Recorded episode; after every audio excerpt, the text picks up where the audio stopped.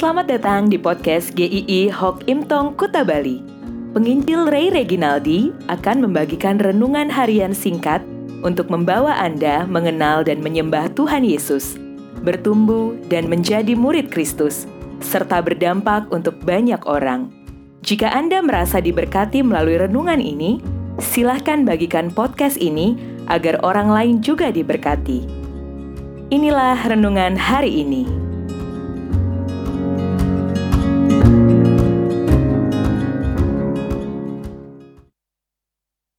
Sang Poros Hidup Kejadian 17 ayat 7 Aku akan mengadakan perjanjian antara aku dan engkau serta keturunanmu turun-temurun menjadi perjanjian yang kekal supaya aku menjadi Allahmu dan Allah keturunanmu.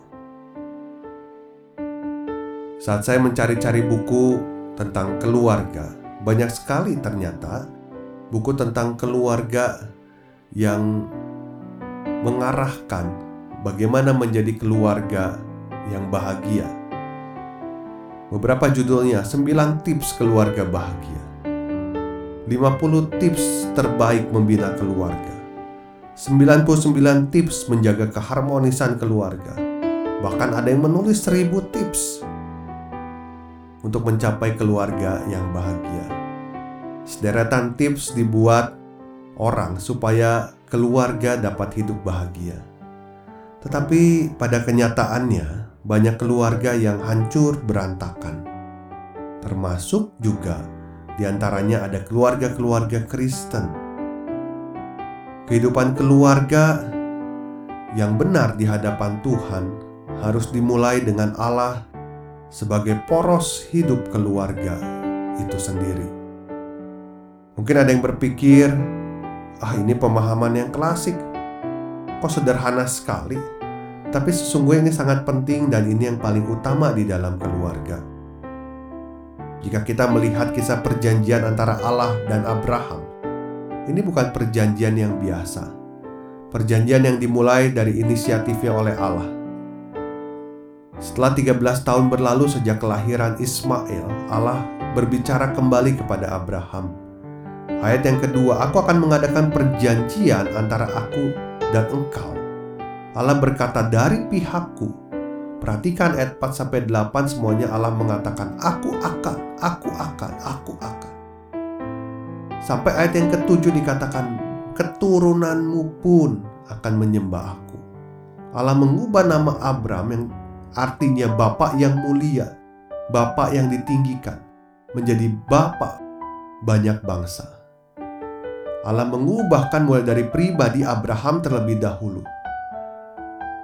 Untuk lebih memahami sevital apa kehadiran Allah di dalam hidup Abraham, kita bisa lihat masa lalunya. Siapa Abraham? Apakah dia dapat mengenal Allah kalau Allah tidak memanggil Abraham dan mengutus dia? Tidak akan pernah.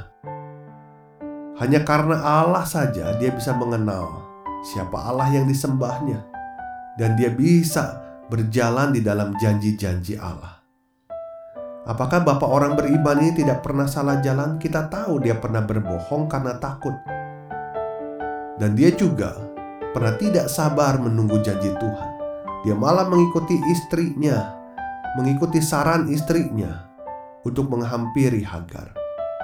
Namun apakah Tuhan membuang dia?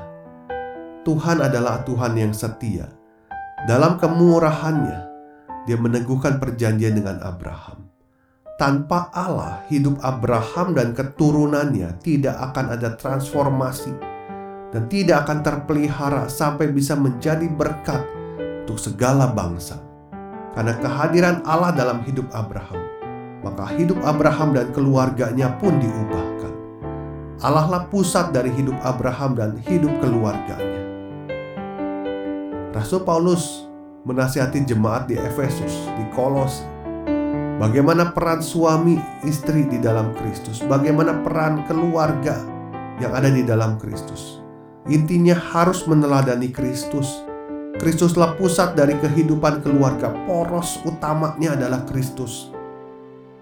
Jika setiap anggota keluarga memfokuskan pada apa yang Kristus sudah lakukan bagi setiap kita, mengasihi, memberikan dirinya, menyelamatkan yang tidak layak diselamatkan, maka kita akan menjadi keluarga yang semakin berkenan di hadapan Tuhan. Tanpa kehadiran Kristus di dalam keluarga, mustahil bisa jadi transformasi dalam keluarga. Kalau bukan Kristus yang jadi poros hidup keluarga, maka masing-masing akan berebut untuk menjadi poros di dalam keluarga. Kalau lepas dari poros itu, itu sangat berbahaya sekali. Banyak masalah yang tidak bisa diprediksi di dalam keluarga, yang dengan sangat mudah mengguncangkan, bahkan memporak-porandakan keluarga. Tetapi ketika Kristus jadi poros hidup, semua keluarga akan berjalan bersama dengan Kristus, mengandalkan Kristus, berharap pada Kristus. Maka berjalanlah bersama keluarga Anda dengan Kristus sebagai pusat dari semuanya. Kiranya Tuhan menolong dan memberkati kita.